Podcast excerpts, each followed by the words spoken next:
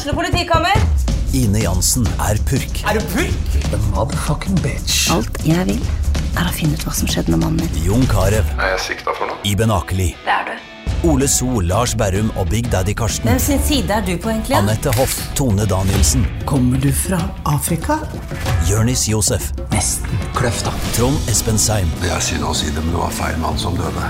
Purk. Premiere tirsdag på TV2 Play. Superstjernen som kunne vært eh, Brann-spiller, og hvordan foregår egentlig en spillerovergang? Dette skal vi få svar på når eh, fotballagent Stig Lillejord gjester Fotballpreik. Ja, vi snakker 20-22 millioner euro. Det blir goal! Det blir goal! Og hele brannlaget ligger på bakken i glede. Ja,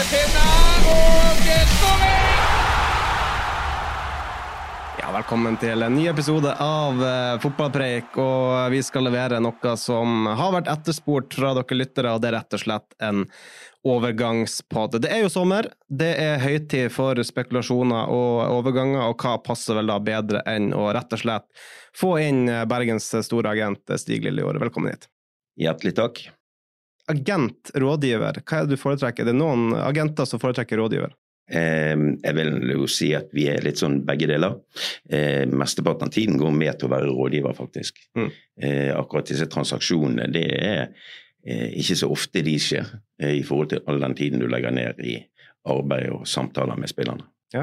Så har vi jo med oss også eh, Han hevder sjøl han var krumtappen i din i ditt klientell. Med oss fra Ålesund, Jonas Grønner, er du der? Ja, det er jeg som har stått for det aller meste av uh, Stig sin eh, rødvin og hvitvin og krabber og, og skjell på diverse brygger rundt omkring i Norge. Så han har tjent, uh, tjent masse på meg. Det har han. Ja, jeg vet vel ikke helt det, men eh, det har i hvert fall vært særdeles hyggelig uh, å jobbe sammen med Jonas i veldig mange år. Eh, At han skulle havne på denne siden, eh, altså i media, det har vært et helt riktig sted for han. Folk flest de um, nyter en god eh, ferie nå. Eh, hvordan er det med dere som driver med overganger midt i høysesongen for overganger?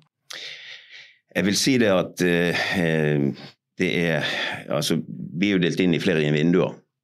Og de, siden vi er i Norge, så er jo det en litt sånn komplisert sak. Eh, For vi har glidende vinduer med det norske vinduet, så glir det internasjonale vinduet. Eh, Du har et internasjonalt vindu som åpner i januar. Eh, Det stopper den 31. januar. Og så har du det norske som da har vært åpent en stund og holder på til slutten av mars. Og da er du allerede begynt på det internasjonale vinduet igjen, eh, som da åpner i juni. Og så har du da begge vinduene åpne eh, helt som avsluttes den 31. august. Så ferietid, det er vel kanskje først eh, etter den 1. september. Og da er det ikke så mye som skjer i løpet av september og oktober. Og ja, det er litt, litt hektisk innover mot i desember, kanskje. Gjerne fortell litt om det, Stig. Altså hvordan altså, Klubber de ser, de ser på statistikk, de ser på eh, de ser fysiske kamper, de ser på kvaliteter de er på jakt etter, de ser på eh, fysiske forutsetninger. Men hvordan setter de sammen dette i puslespill, og hvor mye, altså, hvor mye gjør agenten oppi dette? Altså jeg vil jo si at Tidene har endret seg dramatisk eh, bare de siste fem årene. Ser du på de siste ti årene. Eh, så jeg har jo vært med i dette her nå i, i 25 år. og så når jeg begynte, så sendte vi VHS-kassetter eh, til klubbene, og så var det CD-rom. Eh, etter hvert så er jo disse digitale plattformene kommet. Eh, I dag er det jo ekstremt mye mer moneyball. Eh, altså det dreier seg om statistikker. De screener markeder. Eh, og deretter går de ut kanskje og ser spilleren fysisk. Så, så fokuset til klubbene i dag gjøres jo mye mer inhouse i klubb. De har eh, kanskje både fire og fem og seks eh, analytikere. De kjøper eh, rapporter. Eh, det finnes massevis av, eh, av leverandører på eh, rapporter og prestasjonsrapporter. Eh, så, så de tidene har jo endret seg.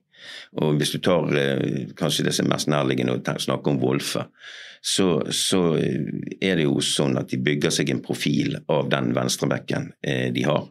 Eh, og så ønsker de å ha en tilsvarende venstreback. Eh, Ut ifra det så kjøper de på de alle disse rapportene inn. De screener hele dette markedet. Eh, Og først når de er kommet dit, så er det da klubbene i stor grad som kontakter agentene. Tidligere så var agentene mer eh, selgere, altså de var mer på klubbene. og det er klart at Vi er jo det i dag også, men det er mye mer i, i, i relasjonsbildet at vi er. Eh, men nå er det klubbene som i stor grad kommer tilbake til agenten og sier vi har en interesse for spilleren. Hva er tankene til spilleren, hva er planen til spilleren? Og i Wolfes tilfelle så er det akkurat en tro kopi å se Kerkes, som er da i, i Asset Alkmaar og på vei ut av Asset Alkmaar nå, og se Wolfe. Eh, og det sier jo Asset Alkmaar også, at det, det, er den måten de jobber på. Ja, for, for, når du trekker fram Wolfe nå, for at en, en, eh, en greie som gikk da når han ble solgt, det var jo at folk følte at det var litt tidlig. Det kom det her kom jo i, i midten av mai. Eh, hvorfor velger man å gjøre det nå? Eh, Brann skal ut i Europa. Wolfe skal til U21-EM. Eh, en, en del supportere som reagerte på timinga og følte at Brann kanskje gikk glipp av en del millioner her fordi at de solgte tidlig. Vi snakka litt om det før sendinga. De store klubbene eh, vil gjerne ha signeringer gjort så tidlig som mulig. Ja, altså klubber der du, der du sitter og snakker om prioritetssigneringer. Altså Wolfe var en prioritetssignering. Det var en første prioritetssignering for Asset Alkmaar. De visste eh, at Kerkes kommer til å bli solgt. Det er så stor interesse for han. Eh, Aset Alkmaar er jo en klubb som vant Youth League bl.a. De har mye gode talenter. Så ser de ned på sin ungdomsavdeling så ser de at vi har ikke en klar venstreback til å gå inn i dette A-laget nå. Vi er nødt til å hente en ny en. Levetiden på venstrebacker, og sånn snakker vi levetid så lenge de har i klubben før de selger de, eh, er to, kanskje tre år. Eh, dette ser de da, Hvis de skal kjøpe en ny spiller, så ser de det opp mot hvem er det som er klar til å ta over fra vårt eget akademi i den posisjonen, hvis de har noen. Kerkes, der snakkes det jo om million, altså overgang i 100 millioners klassen. Ja, vi snakker 20-22 millioner euro. Tror du Wolfe bør havne der? I den kategorien? Altså, nå er jo det en ny hverdag for David. Eh, og, og, det er klart det at eh, han har blitt hentet pga. sine kvaliteter utelukkende. Og de har en helt klar plan med den videre utviklingen skal være på han. Og så er han selvfølgelig også på en eh, transferarena som er helt annerledes enn en det å spille norsk eliteserie. Ehm, de klubbene som har øyne på, på Aset Alkmaar, det er stort sett alle toppklubbene i Europa. Jeg var der nede sjøl, da var det 62 klubber og så eh, Asset mot Anderlecht i Conference League. Mm. Eh, de har en tradisjon for å selge spillere. Så må vi huske det at Asset Alkmaar de var nesten konkurs for tolv år siden. Eh, og de har bygd seg opp på denne måten ved scouting ser de inn mot en sterk akademibit som de har, eh, og da har bygget seg jevnlig oppå. Men sånn så uh, Wolfe, han starta to av tre kamper i, i um, U21-EM. Gikk, altså, gikk verdien hans opp eller ned der? Gikk Brann glipp av noe penger? Nei, det tror jeg ikke. Du kommer, et, du kommer, til et, punkt i forhold til som norsk spiller, selv om man er venstreback, Eh, på hvem er det som eh, vil kjøpe han. Og så skal det sies at det, det var tysk Bundesliga-klubb som var interessert i han. Kanskje man kunne fått noe mer. Jeg vet at David kunne fått betydelig mer penger eh, hvis han hadde valgt å gå der. Eh, men det karrieresteget, det var veldig riktig. Eh, og det er også en del av min jobb, og kanskje den viktigste jobben, at når de stegene skal tas, så, så må vi passe på at når David nå er 21 år, hadde han gått til Bundesliga eh, altså minst, Selv om de sier at han skal starte kamper, så må vi se worst case-scenario på dette. Og hva er alternativet hvis ikke han starter de kampene? Er det det å spille regionalliga på nivå tre? Eh, så vil ikke det være utviklende for han. Så, så når vi og David valgte Aset Alkmaar, så var det helt klart kun med tanke på det sportslige. Nå har vi snakka litt om agentbransjen, vi kommer sikkert inn på det på mm. flere områder, men jeg tenker vi kan hoppe rett i det som forhåpentligvis skal skje nå fremover denne sommeren. Det at Brann blir til spillere. Jonas har skreket om det nå, jeg vet ikke hvor mange podder på rad. Eh, de har starta med én, Sander Kartum. Ja. Eh, Jeg leste jo eh, Jonas sine kommentarer, og så kan jeg si at jeg er veldig uenig med han. Du kan jo gjenta det, Jonas. Så kan Stig Ja. fortsette på det etterpå. Ja, altså, jeg, jeg sier at uh, Brann har jo ikke hentet en Rasmussen-kopi her. Dette er jo en mer eh, klassisk indreløper som går sånn um, boks-til-boks-spiller. eh, bra. Altså, det er for all del en kjempespiller. Han leverte bra for KBK når de rykket ned i fjor. Han har fortsatt den utviklingen i, i ehm, eh, Obos-ligaen i år. Og han er en som ikke har fått det så lett. Han har måttet stå i det, han har måttet jobbe hardt. Og da er jeg ganske trygg på at typen som kommer inn, er en som kommer til å bidra positivt. Så hvis du har vært veldig uenig med meg veldig, altså Jeg er ikke misfornøyd med signeringen. Det eneste som taler litt mot, det er alderen. At han er 27 år eh, og en etablert eh, en spiller som ikke nødvendigvis skal inn og, og videreutvikles og selges videre. Eh, For i den perfekte verden så har man eh, Man må selvfølgelig ha miksen, men eh, jeg skulle ønske han var et par år yngre. Altså, Vi er nok ikke så, så drepende uenige, Jonas. Men eh, altså for det første så har han en eh, dødballfot som er fantastisk. Eh, han er, som Jonas sier, er en boks-boks-spiller. Eh, han mangler kanskje litt av det kreative biten til, til Mathias, men samtidig så har han en, en vanvittig arbeidskapasitet. Eh, han har god teknikk, han passer perfekt inn i måten som Brann spiller fotball på. Eh, Dog, som Jonas sier, kanskje litt annerledes. Eh, så kommer du til alderen, så er det sånn at skal du utvikle unge spillere, så er du nødt til å ha noen bjellesauer. Og jeg ser på han som en av de bjellesauene som skal være med her de neste tre årene. Og jeg tror han vil bidra meget bra, både med målpoeng, eh, prestasjoner, og, og jeg vet han er en veldig bra type. Jeg prata jo med Christian Mikkelsen etter uh, KBK spilte mot Åsane. Uh, da var for vidt brannledelsen var jo på tribunen for å se på Kartum der. Uh, og han sa jo at eh, han, Kartum står ikke noe tilbake for han karen som Brann nå er i ferd med å selge til Belgia for 15 millioner kroner. Nei, jeg, jeg leste jo den saken, og så kommer det vel fra den fiskerlandsbyen der oppe at, eh, eh, at de sammenligner eh, en Obo-spiller med seks måneder igjen av kontrakten med en som sitter med lang kontrakt og reiser til utlandet. Så den kommentaren der, den tror jeg faller, i- faller i fisk. Men så, du er ikke helt fornøyd ennå, Jonas. Du vil ha flere forsterkninger? Ja, man må jo på et eller annet eh, Eller, eh, jeg sa jo før kampen i går at de får jo litt svar eh, i går også, da. Fordi at vi har jo vært spent. Brann har stort sett spilt med de samme 11 um, i stor grad. I hvert fall de samme 12-13-14 spillerne nå i veldig, veldig lang tid. Og det er de som har dratt dette lasset her. Nå var det en tunge forfall i går. Man møter HamKam. Eh, Det er viktig at de som kom inn og skulle erstatte disse tunge forfallene, fikk en god opplevelse. Det var det flere av de som fikk, og da nevner vi spesielt Jonas Thorsvik, som hadde en fantastisk kamp i går. Han har jo vært skadet i, i åtte måneder og, eh, og tilbake nå med en sånn type kamp og får seg en skåring og en opplevelse som virkelig kommer til å booste han videre inn i Brann-karrieren. Men Samtidig så er antallet Det er jo det jeg er bekymret for. og Sivert satt der forrige uke i podden og snakket om at ja, er, han stolte veldig på de som var her. og Hornland sier også at det er jo de som er der i dag, som i stor grad skal, ta, skal dra lasset. og Du skal være ekstremt heldig hvis du klarer å plukke inn spillere som bare skal gå rett inn og levere fra dag én i det Brann-systemet, og sånn, eh, sånn som Brann har prestert eh, nå over tid. Så det er jo først og fremst antallsmessig, og ikke minst for å klargjøre eventuelle de neste salgene til Brann. Det er jo det de må begynne å, å forberede. Altså, um, Vetlesen satt og ventet på benken i et år nesten før han spilte i Bodø-Glimt. Uh, og når Sondre Feta Han ble ikke solgt, riktignok, han ble skadet, men når han forsvant ut, så var Vetlesen klar til å ta over.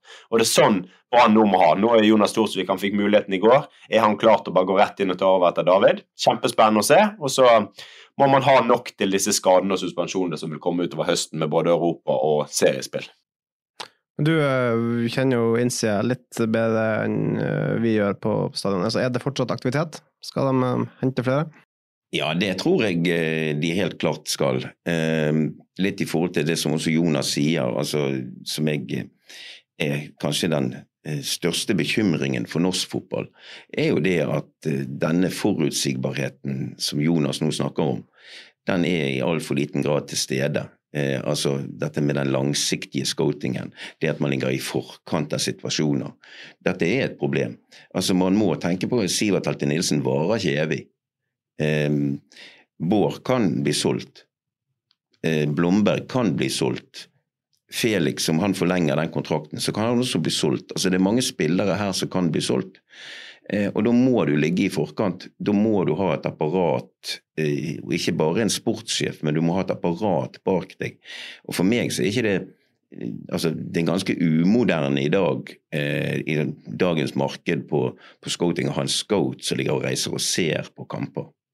Det har jo Brann snakket om at de har lyst til å anskaffe noe i flere Nei, ikke flere år, men helt siden egentlig Jivin Agel Jacobsen tok over som sportssjef, så har jo han snakket om at han har lyst til å få en scout som kan være i Europa og se på kampen, men jeg tror ikke de har fått det på plass ennå. Nei, men altså, altså tiden er jo endret seg for at uh, du hadde La oss si større klubber hadde scouter som reiste til Norge Viken etter Viken for å se spillere. I dag gjøres veldig mye av den vesentlige scoutingen. Det gjøres inne på inhouse av analytikere. Og veldig mye går på tall for at du skal finne riktige, eller de riktige kandidatene i forhold til, til, de kvalitetene du søker.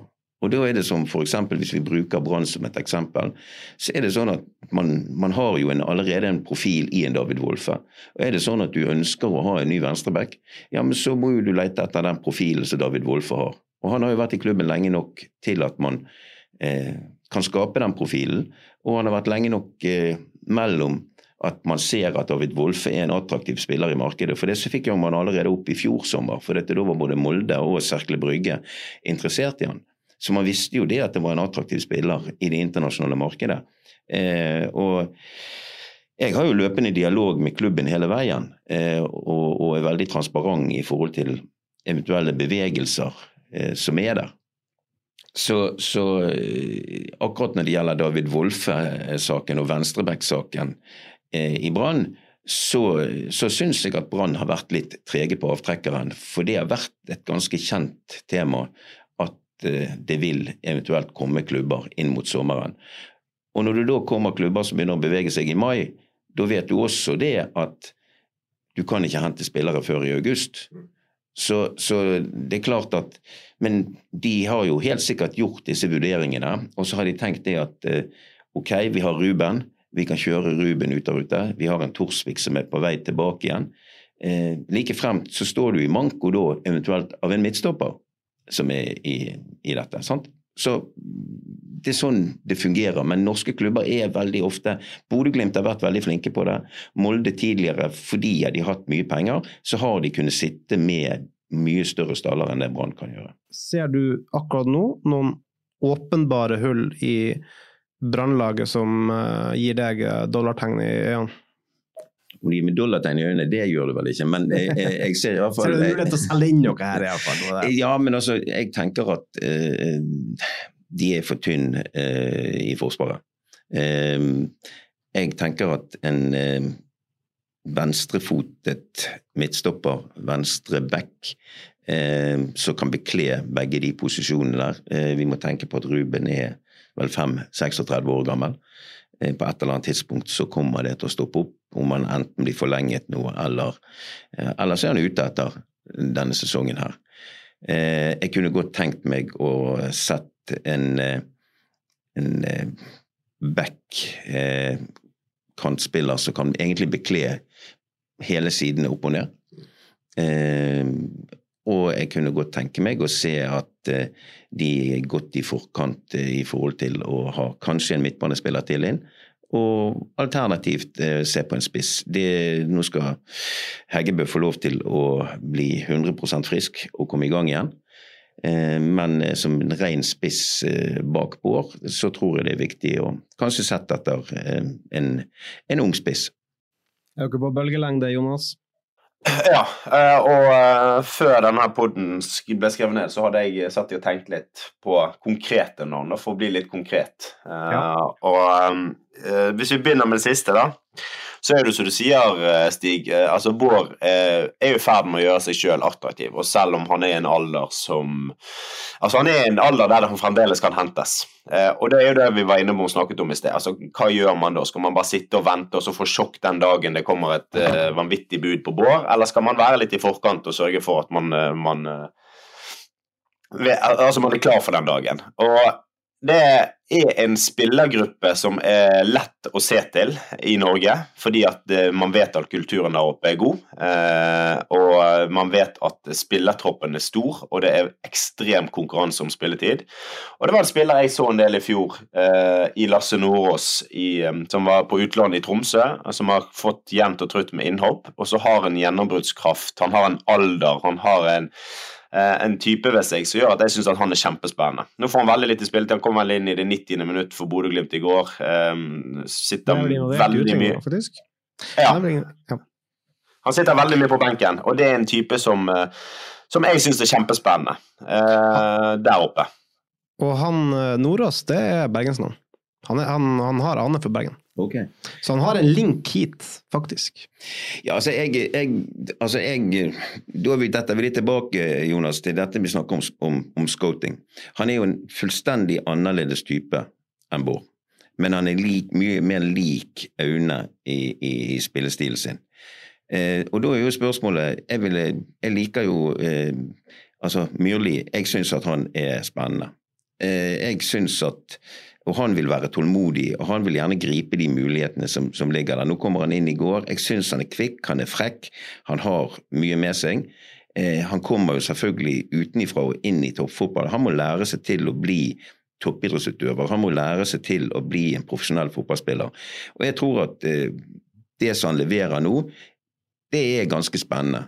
Men da må man velge å si at ok, vi står med han. For det, det er vanskelig å hente en spiss bak Bård. Altså, Hvorfor skal Lasse Nordås gå fra Bodø-Glimt som nummer to i Bodø-Glimt for å være nummer to i Brann? Mm. Det ville vært mitt resonnement eh, hvis jeg var Lasse Nordås. Absolutt, men det er jo, der er jo en plan at man skal da Eller jeg vet, jeg vet ikke hva planen til Brann er. Ønsker de for enhver pris å beholde Bård, eller vil de selge han? Skal de forlenge han? Skal de gi han en skikkelig kontraktforlengelse med en lønnsforhøyelse og vise det at Bård, du skal være her resten av karrieren? Eller skal de prøve å selge han? Så det er jo også et valg som må tas, og der vet jo du mer enn oss, Stig.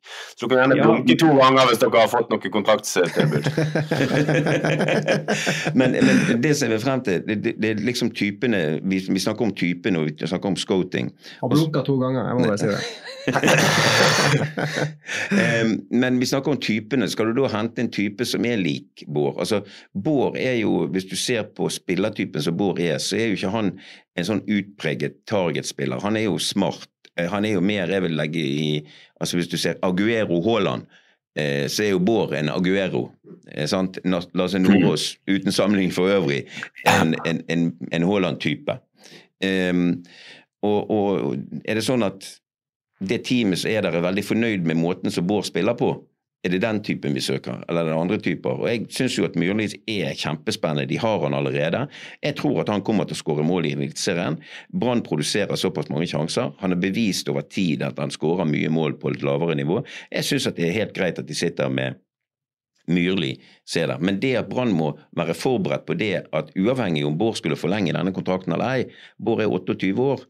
Altså Se på det internasjonale markedet på, på spisser. Jeg var igjennom nå og så på Bård og noterte meg, men, men han har vel 30 målpoeng så langt i år. Altså med alle cupkampene som er spilt både fra i fjor. Eh, på ja, hvor mange kamper? Han Det er vel i ferd med å gjøre den beste altså, sesongen av en spiss i Brann noen gang. Ja, og da må vi jo bare se tilbake igjen, da, i forhold til hvordan er det klubbene ute ser. Jo, de ser på statistikker. De ser ikke bare, egentlig bare på målene han gjør, men de ser jo på hva han skaper. Eh, og så er det klart at man blir jo imponert av noen av de skåringene som Bård gjør.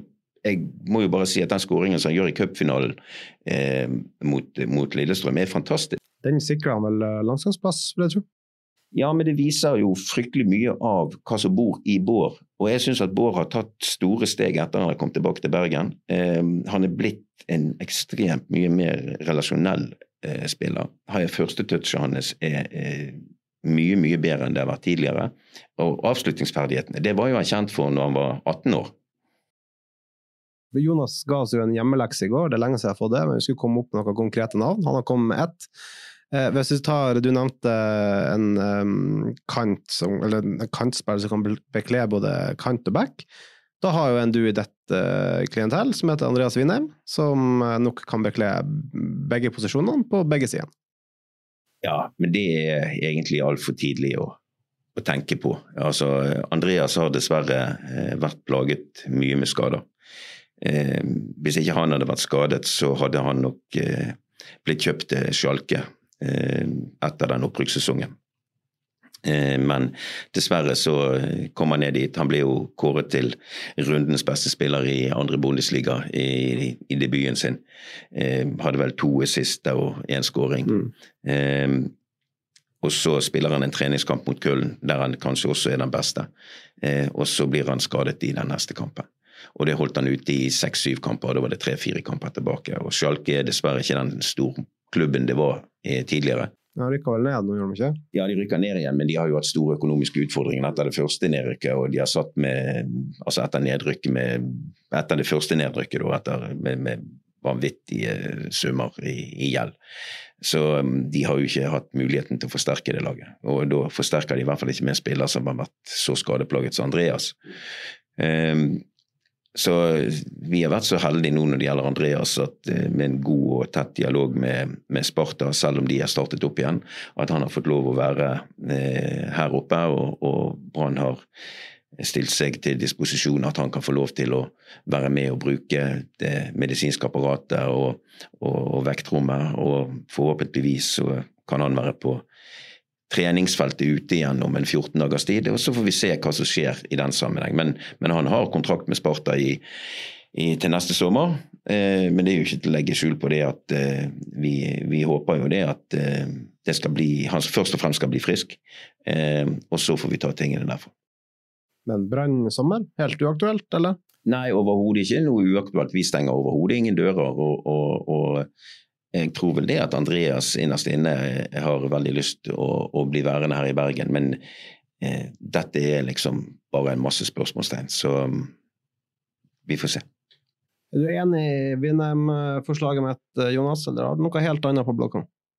Nei, jeg, eh, jeg, ser hvor du vil og ser hva du tenker, men eh, jeg tror eh, Stig oppsummerer det veldig fint der. Du kan ikke hente, og spesielt med tanke på Hornland som type. Han er ekstremt opptatt av å ha spillere som er tilgjengelige, og som spiller masse fotball, og som kan trene masse. Og da tror jeg dessverre for Andreas sin del ikke at han er aktuell denne sommeren. Han må vise at han kan, kan stå i det over tid. og så håper jeg for all del at uh, vinner med en kjempespiller, en kjempetype, så hadde det vært fint å ha i Bergen, men akkurat nå så er ikke han klar for det. Men uh, jeg har jobbet uh, tett med U21-EM denne sommeren, og tenker det er en del typer på det laget der som, som, står i store klubber rundt omkring, eller større klubber rundt omkring, og som står i et veiskille om hva skal de. Skal de hjem til Norge og hente erfaring? Skal de stå i det i klubbhverdagen sin? Og så er det også noen typer som er litt sånn mindre klubber. Og hvis vi tenker back-sjiktet, back så har du en, en høyreback der i Sebastian Sebulonsen som har spilt eh, lite for Brøndby. Eh, og eh, gjorde egentlig kometkarriere i Viking, men er en type som, som hadde passet veldig fint inn i Brann, både aldersmessig og og ikke minst spillestilsmessig. Han har en, en gjennombruddskraft eh, som kan brukes både på kanten og på, på eh, bekken. Så hvis vi var konkret i navn, så, så liker jeg dette her U21-laget. Eh, først og fremst pga. alderen er fin, og dernest pga. det veldig mange fine unge typer som har, uh, som har fått mye erfaring på det laget. Dette høres jo veldig veldig dyrt ut, da. Og så hente inn spillere som er solgt for titalls millioner fra norsk fotball til utlandet og skal hente dem tilbake. Jeg regner med at dette er ikke gutter som kommer hjem for å spille for knapper og glansbilder, for å bruke et godt, gammelt Nesotra-uttrykk. Altså, eh, altså jeg, For det første, Sebulonsen eh, har mange fine kvaliteter. Eh, og så må vi være klar over det at lønnstrykket som er i utlandet kontra det lønnstrykket som er i Brann, det er natt og dag. Så, så, det å hente en Sebulonsen eh, tilbake til Brann, eller til Brann, det, det, det, tror jeg er en utopi. Jeg tror at uh, Brann skal forsøke altså Det er ikke om å gjøre bare hente et navn, eller hente, du må hente den riktige spilleren. Den spilleren som passer til den spillestilen du har. Eh, så for meg så dreier det seg mye mer om å ha en total oversikt i dette markedet. og eh, Nå skal jeg være veldig forsiktig eh, med å, å, å, uttale meg om det, men du har en spiller som jeg representerer, som jeg syns er kjempegod. Eh, Sander Sjøkvist i Start. Eh, kan spille begge sider. Eh, har en like god venstrefot som høyrefot. Åtte sist på tolv kamper i, i Obos-ligaen. Dessverre kanskje litt mye skade tidligere, men er en kjempespennende spiller. Ehm, det finnes mange gode spillere. Hvis du scoter på kvaliteter, og det er det du må gjøre, ehm, så finnes det mange gode spillere i Obos-ligaen. Sågar også det finnes mange spennende spillere hvis du går ned i Post Nord og ser. Der er det gjerne 17-, og 18- og 19-åringer. Og jeg tror at det er der Brann må se. Det er de som er på Skal bære de neste som skal overta eh, inn der. For jeg tror at akkurat sånn, hvis du ser noen ideelt sett nå på en høyreback, så har de en Tore Pedersen som kan spille der. De har en Krone. Han har klart seg helt ok gjennom. Men hvis Brann skal ta steg til neste år igjen, så må man se på flere posisjoner. Eh, fordi at man har jo gjerne en ambisjon at eh, nå rykket vi opp i år, og jeg tror egentlig hele Bergen hadde vært superfornøyd hvis Brann hadde blitt nummer ti. Og så gjør de en ekstremt bra prisisen, og så er selvfølgelig media med på å hype dette. Og så blir jo nummer ti en kjempeskuffelse. Nettopp. sant? Så, så, vi flytter jo hele tiden for det fokuset vårt, vi også som supportere. Så jeg tenker det at eh, hvis Brann skal ta steg videre, så må de ha spillere som skal være bedre enn det de har. Og det koster penger. Eh, og det er en helt ny eh, hverdag for Brann nå i 2023 enn det var i 2021 og 2022. Så vi, vi, ser jo Glimt som altså, bruker 100 millioner på et overgangsvindu, sånn som i fjor. Uh, du har Molde som bruker masse penger. De brukte vel 20 millioner på mannsverk først, og så klinker de til med 40 millioner for Berisha eh, etterpå. Eh, vi ser Vålerenga som bruker masse penger. Det snakkes om en årslønn på, til Stefan Strandberg på rundt 10 millioner. Det sies at Vålerenga tilbyr rundt 10 millioner i året til Iver Forssum, som han takker langt nei til. Altså, er dette summene eh, Brann og Brann-fansen må forvente seg noe fremover? At man må legge det på bordet for å få gode spillere? Nei. Kort og godt nei. Eh, det finnes eh, veldig mange gode fotballspillere der ute eh, som både er transferfrie og som spiller for eh, langt mindre penger enn eh, det vi refererer til her. Altså Stefan Strandberg har vært vant med å ha et en lønn eh, altså fra Russland. og Han var vel i Hannover på utlån. og eh, Ivar Fossum har spilt i Danmark, eh, på, eh, som også kom fra Hannover til Aalborg. Eh, altså disse, dette er spillere, men, men, men en Ivar Fossum, liksom, som er hvor gammel er han nå, 26-27 år, som kommer til Brann, altså, da kommer jo han kun for pengene sin del. Jeg tror at eh, Brann må mye, være mye smartere i måten sin å jobbe på. og Da er vi tilbake igjen til altså Det heter spillerlogistikk fordi at det er logistikk det er ikke tilfeldigheter, eller at man bare sitter hele tiden og ser dette med et kort blikk. Man må, man må jobbe konstant med dette, og, og, man bør ha et team som er rundt det. Eh, og så er det noe med, ja. Ja, ja fortsett, Jonas. Nei, det, det, jeg Beklager å avbryte, men det var bare, jeg, når du sier akkurat det der med spillere som hentes hjem, da, som har tjent mye store penger, og så kommer hjem Og så er liksom det historisk sett Jeg husker jo det at altså, vi var jo et pensjonisthjemperioder i, i Brann når jeg kom opp og, og, var ung. Så var det jo veldig mange spillere med store karrierer som hadde vært ute, men med all respekt definitivt var over middagshøyden og hadde, hadde gjort sitt. Eh, og det, det sier noe om måten de, eh, de ter seg på ute på banen banen, og um, altså jobben og hva skal si, dedikasjonen eh, utenfor. Eh, altså hva blir gjort. Eh, og der tror jeg Brann må passe seg ekstremt. Og så ser du du har en Vålerenga-styr altså ikke, Han er ikke styreleder, han er eier, eh, og han sier liksom dette her med at du skal hente spillere som gir wow-effekt. Og det tror jeg er veldig utbredt i fotball. at når liksom du står du, du, du, som sportssjef eller som, som, leder i en norsk klubb kan, Du kan hente en fra Post Nord som du, som du, har veldig troen på, men samtidig så får du tilbud om en som du vet fansen kommer til å tenke wow, dette her er dritkult, dette må jo bli bra. Og så er det mye lettere å dras mot det store navnet og dras mot den, den, store signeringen kontra den som du egentlig i bunn og grunn gjennom scoutingarbeid, gjennom eh, nøye analyser, har mer troen på. da. Så der tror jeg det er en del som møter seg sjøl i døren, og der håper jeg Brann er sterke nok til å um, ja, stå imot. For det Brann kommer til å være attraktivt. Det kommer til å være spillere som har lyst til å komme til Brann, sånn som det drives om dagen. Eh, også spillere som, som, har hatt store karrierer, som, som vil heve høy lønn. Og der må, man, der må, man, passe seg litt, og der håper jeg at Brann eh, er dyktig. Var det noen plasser du ikke fikk eh, bevege deg inn på nå, Jonas?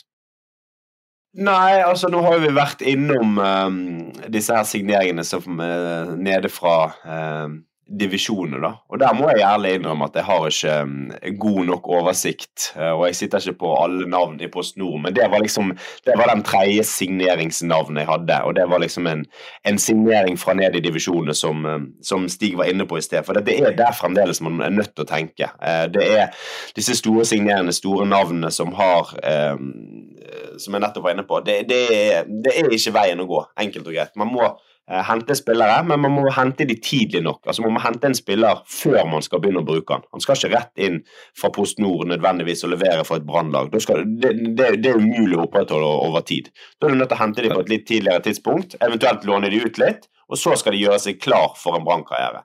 Det å treffe bare bam rett inn, det, det er utfordrende. Uten at jeg uh, har det altså, Jeg så det var noen som nevnte Krygård i Haugesund, uten at jeg har hørt at Brann har vært uh, noe særlig på han. Men uh, Madsberg, da har du Madsberg Sandog, som er fra Bergen. Er ikke dette gutter som kan kanskje være aktuelle? Altså, jeg, jeg, ser ikke på at det er spillere som vil på noen måte gjøre Brann bedre i dag. det gjør jeg ikke. Men vi snakker om en god signering. Så kan du se en god signering Ulrik Mathisen. Kjempegod signering. Spiller som har levd i skyggen, var jo i Sogndal i fjor, kommer tilbake igjen. Litt mangel av spilletid i Lillestrøm. Hentet for veldig fornuftige penger, har en fornuftig lønn. Vil ønske å se for seg en fremtid i Brann. Det han har vist etter han er kommet, syns jeg er veldig, veldig bra. Mm. Ja, han Med unntak av klareringa i går mot HamKam. Ja, men det er jo sånne, Vi kan ikke henge oss opp i sånne små bagateller. Eh, men, men altså, det finnes mye bra spillere. Det, du har en som Jonas snakker om, om Lasse Nordås, som også sitter på benken. Eh, og det finnes mange spillere av de typene rundt omkring som ikke nødvendigvis får plass i et annet lag, men som kan være de riktige spillerne for Brann. Eh, og de skaper ikke wow-effekt når de kommer, men kanskje de kan bygge seg opp og skape den wow-effekten på stadion ved å bli eh, en ny Raymond Kvisvik. Altså, Raymond var jo ikke superkjent når han kom fra, fra, liksom fra Moss til Brann. Han kom her med rødt hår. Eh, og så da en, eh, for å holde meg på backkjøret, det er jo en bergenser som sitter på benken hos regjerende svenske mester Hekken, som er også er vel en av dine tidligere klienter, Thomas Stortland? Nei, jeg har aldri hatt Thomas. Du, du hadde ikke Thomas? Nei, nei. nei, jeg har aldri hatt Thomas. Men det er jo en spennende spiller. Men, eh, og Jeg vet ikke hva eh, Hekken har betalt for han, men Hekken ser jo garantert for seg at de ønsker å, å ha noe penger tilbake igjen. Han spiller jo ikke. Nei, men eh, eh, kanskje du kan låne han ut. Men er det Brann da som skal hjelpe Hekken? Altså, Jeg tror jo det at eh, Brann skal eh, konsentrere seg om å hente spillere på en permanent overgang inntil seg. Og hvis de kan få, få Totland på et fornuftig nivå tilbake inn til Bergen, så ville det definitivt vært en forsterkning. Det som er fint med Total, er vel at han, kan, han har vel spilt begge backer eh, masse. Han kan vel spille både venstre og høyre. og Det er jo åpenbart en, en strategi som, som, de tenker mye på i Brann. De ønsker å hente spillere som kan bekle flere roller. Eh, illustrert eh, prakteksemplaret i Tore Pedersen, som, eh, som, spiller alt. Så eh, det er noe de tenker på. Det er nok et, et kriterium som henger ganske høyt på stadion. Eh, hvem er nå Branns største salgsobjekt? Ja, altså, realistisk sett så er jo selvfølgelig Niklas et, et salgsobjekt. Kort kontrakt igjen, eh, veldig ung. Eh, særdeles spennende, selv om han har hatt et, en tøff sesong eh, med, med, både skader og ikke kanskje prestert helt opp på det nivået som han har vært, eh, vært tidligere. Eh, jeg vil si at du har eh, en Blomberg som fort kan være attraktiv pga. sin eh, ekstreme både fart og, og, ferdigheter. Men han er ikke klar for det eh, helt ennå. Eh, Bård er naturligvis eh, med den statistikken han har og det han leverer. Eh, og hvis han fortsetter på den måten som han gjør nå, så vil jeg bli overrasket at hvis ikke han er også i en landslagstropp i, i september. Og det underbygger jo egentlig kvaliteten hans, men når du ser hvor mange gode spisser som er på A-landslaget, og han blir valgt inn der. Så Eh, det, du, har en, du har en Serri som må opp på hesten igjen. Han var egentlig bedre før han var skadet enn når han har kommet tilbake igjen, men, men vi vet alle sammen hva kvaliteter han har. Så det, det er mange spillere her, og, og Brann må, må, jobbe eh, hardt og, og, veldig langsiktig, ikke bare kortsiktig. Det er sånn som nå når man Brann endelig med gåsehud. Begynte å selge spillere til utlandet. Altså Har Brann fått et bedre rykte nå blant utenlandske klubber enn de hadde tidligere? Det kommer jo i form av prestasjonene som klubb. Altså, Det henger jo sammen. Eh, hvis en klubb presterer på et godt og jevnt nivå, eh, og de har kontinuitet i prestasjonene sine, Eh, så blir det også mye mer forutsigbart for de klubbene som er interessert i spillerne, å se at hva er det vi kan forvente når vi reiser, eh, eventuelt har kommet dit at vi, vi reiser og ser er det, er det spilleren på det nivået, eller hvordan er det. Men, men, det er klart at de har jo hvis de klarer å fortsette denne reisen som de holder på med nå, og være med og spille den attraktive fotballen som de gjør, eh, gjør at laget presterer på et godt nivå. Kanskje til og med bedre hvis de nå går i Europa og klarer å komme seg gjennom tredjerunde og inn mot playoff, så blir du igjen mer synlig. Og det er jo ikke tvil om det at det er et resultat av det Molde har holdt på med, og det Bodø-Glimt har holdt på med, i tillegg til de pengene de får til å kvalifisere seg for et gruppespill. Så blir jo spillerne også mer attraktive. Men i forlengelsen av det, da, i forleng, jeg skal bare spørre kjapt. I forlengelsen av det, um, gress, kunstgress, hvor, hvor, mye betyr det for utenlandske klubber at Brann er en gressklubb? Jeg vet ikke om det betyr så mye, for de, de ser jo spillerne på både på borte- og hjemmekamper. Og det er jo kanskje mer reaksjoner på at eh, det er så ekstremt mange kunstgressbaner i Norge. Eh, det er vel der reaksjonen ligger, men jeg tror ikke de tenker så mye på, på det. Altså, det er jo flere klubber, f.eks. også i Holland, som spiller på kunstgress. Et spørsmål som uh, alltid går igjen på overgangsfront, det er jo hvordan foregår en overgang? Den her berømte faksmaskinen som streiker i tide og utide. Altså, hvordan er den prosessen her, og bruker man fortsatt faks? Faks brukes ikke. Um, men altså, det er som jeg sier at uh, dette markedet har endret seg veldig. Nå er det i større og større grad klubber som kontakter agenter eh, fordi at man driver god inhouse scouting. Eh, og så hvis spilleren da fortsetter å prestere, så spør gjerne den klubben som er interessert i en, eh, en spiller, hva er klubbens forventninger om en overgangssum? Hva er forventningen til spilleren? De får høre seg mer om spillerens sivilsituasjon. De, de ønsker å få eh, så mye informasjon som mulig. Da er det de kontakter? Da er det meg de kontakter, ja. Eh, der jeg igjen, eh, da, hvis jeg føler at dette er en seriøs henvendelse, eh, gjerne går til en klubb og så sier jeg jeg har fått en henvendelse sånn og sånn. Hva tenker dere om dette? Hva tenker dere om, om eh, nivået på en, en overgangssum? Eh, ja, og så kan du si at da sitter jeg egentlig og videreformidler den informasjonen til klubben. Og vi, i den grad det er mulig, forsøker å pushe eh, dette. Men det, noen ganger så er man i en situasjon der man har flere klubber. Eh, og da, selvfølgelig min jobb i den sammenheng blir jo da at eh, utelukkende å konsentrere meg om hva er det som er det sportslige riktige for spilleren. Eh, og så vil det være selvfølgelig forskjeller på dette. David er ung. Eh, skulle det komme en henvendelse for Bård, så vil det ha kanskje andre ting som vil være viktig, enn å tenke kun det, det sportslige. Der vil det kanskje være det økonomiske eller lengdemessig på kontrakt. Andre ting. Men så er det, er det du som får budet, eller sendes det til Jimmy Nager Jacobsen? Budet, går, altså, eh, budet går direkte til klubb. Eh, eh, men eh, vi som agenter har jo naturligvis eh, forklart hvor det budet må være. Så de har jo en idé om det. Og jeg går jo ikke til den klubben og sier bare et eh, jeg går ikke til den klubben og bare sier et tall. Jeg eh, har jo selvfølgelig forankret det med klubb. at Hvor ligger nivået?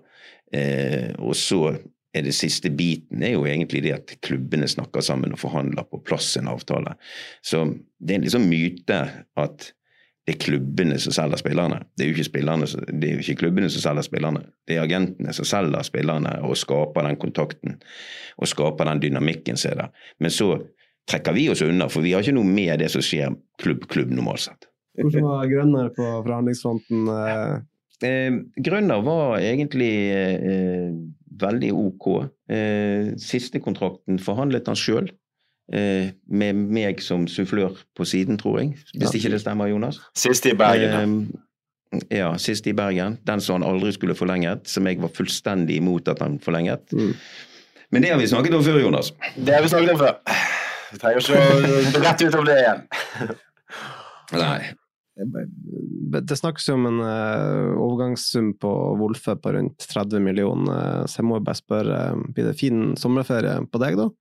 Nei, det gjør det ikke. Det er mange som tror det. Men det er jo sånn at lønnsnivået eh, i, i, Holland er jo på et helt annet nivå enn lønnsnivået i Tyskland. Så jeg kan si det at hvis vi hadde tatt David et annet sted, så kunne det hende at det vært en hyggelig, hyggelig sak. Men eh, dette er en langsiktig prosess eh, når man jobber med unge spillere. Mm. Det å gjøre de riktige valgene og ikke tenke på økonomi. Min oppgave er utelukkende å ivareta spillerens karriere og være en rådgiver med karrierevalgene som skal gjøres. Eh, og jeg syns at i, i, samråd med nær familie, eh, både der både mor og far eh, til David og også broren har eh, vi har hatt samtaler, mange samtaler om dette. Det har vært en utrolig fin prosess, og vi er alle sammen veldig, veldig eh, klar på at dette er et riktig valg. Er det en overgangshistorie der du selv var involvert, som du husker bedre enn noen andre? Altså, det, blir mange, det, det, blir mange, Jeg husker jo stort sett de aller fleste. Eh, og, og, det er jo eh, Altså, dere har jo intervjuet Raimond tidligere om denne saken, og Raimond og Torstein gikk, og der eh, Torstein fikk kalde føtter, og Raimond gikk på bakrommet og eh, snakket med Torstein, fordi at eh, Raimond skjønte det at dette er hans mulighet. og eh, Torstein fikk litt kalde føtter, men de endte jo i, i endte jo der nede. Eh, Østravien? Det var Østravien. Ja. Eh, Torstein gikk jo videre herifra, og det, det, var jo en litt sånn morsom sak. Da hadde vel Brann eh, skulle Noe som jeg alltid har reagert på i etterkant, var liksom Torstein ble solgt til Luma. Så var, fikk Brann ekstrem kritikk i forhold til at de hadde Eh, de mente de at de hadde solgt seg vekk fra muligheten til å gå til eh, gruppespill pga. de solgte Champions League. Ja, Champions League. Eh, og fordi at det var Trond Fredrik Ludvigsen som fikk den sjansen, og ikke Torstein Helstad. Så ja, det går an å se inn i den kulen og, og si at det kan hende de hadde rett, men jeg tror neppe det. Det var ikke den som ble utslagsgivende. Men det er, jo, det er jo spillere som jeg har hatt på blokken her til Bergen, Eh, som nå eh, ses på som verdensstjerner. Blant annet Victor Osimen, som jeg hadde dialog med, med sportsdirektøren i Wolfsburg. De hadde kjøpt han etter U15-VM i konkurranse med, med, Arsenal. Og så hadde han litt vei å gå, så de ville låne han ut. Og jeg snakket med Brann bl.a. og noen andre klubber i Norge. Eh, men de var for seine, så det, han, de gikk han på lån til Charlois i eh, Belgia. Mm. Og derifra eh, benyttet de seg av en kjøpsopsjon og solgte han til Lill for 105 eh, millioner etter eh, det utlånet. Ja, og Nå snakkes det om uh, en mulig milliardovergang for Oshemen i, i sommer. Ja. Så, så, så, så, det er muligheter for flyt, og så ser du karriereutvikling. Altså En Victor Osimen da som var i Wolfsburg, og de tenker nok sikkert sitt i Wolfsburg også. Vi har holdt på eh, ganske lenge. Har du noe å tilføye nå før vi skal runde av, Jonas? Nei, jeg tror egentlig vi har vært innom eh, det aller aller meste, og Stig har fått både solgt inn noen. Men det er jo én ting vi må få eh, litt mer svar på, da. Og det er jo hvor langt er vi kommet i forhandlingene rundt en ny brannkontrakt for Bård. Og der må du gi oss et eller annet nå til slutt her. Det har vært en prosess som vi egentlig har snakket sammen over tid. Eh, Brann ser eh, viktigheten av eh, å ha Bård på en lengre kontrakt. Eh, Bård sjøl har eh, egentlig vært interessert i dette. Eh, han vet at at eh, det er her han presterer. Det er her han har det egentlig veldig bra personlig. Og jeg ser ikke bort ifra at dette kan være noe som kan løses veldig hurtig. Så dere har fått et tilbud, er det det du sier? Jonas. Dere, ok, greit. Dere har fått et tilbud. Det er greit. Da vet du, da, da, da har vi fått det avklart. Tusen hjertelig takk for at du tok deg tida til det her, Stig. Det var veldig kjekt å få også litt innblikk i hvordan uh, dere jobber. Ikke minst uh, fikk vi snakka litt om overganger. Mitt navn er Jonas Johnsen. Dette var Fotballpreik. Takk så mye for at dere hørte på. Nytt sommerferien videre.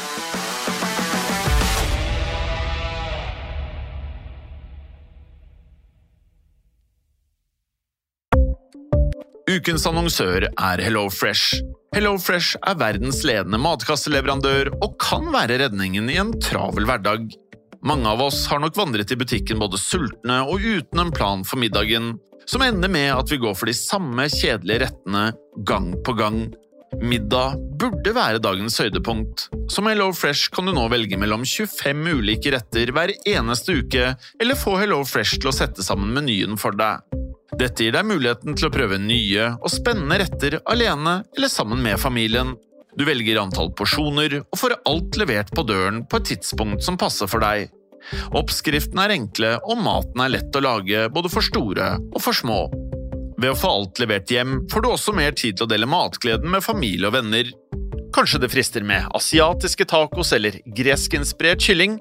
Da kan jeg anbefale deg om å gå inn på hellofresh.no. Her kan du bruke koden FOTBALL og få opptil 1779 kroner i rabatt på de første fem matkastene hvis du ikke har prøvd Hello Fresh tidligere. Du kan også bruke rabatten hvis du har vært kunde og stoppet abonnementet ditt for tolv måneder siden eller lengre. Gå inn på hellofresh.no og bruk koden FOTBALL. Har du et enkeltpersonforetak eller en liten bedrift? Da er du sikkert lei av å høre meg snakke om hvor enkelt det er med kvitteringer og bilag i fiken, så vi eh, gir oss her, vi. Fordi vi liker enkelt. Fiken superenkelt regnskap.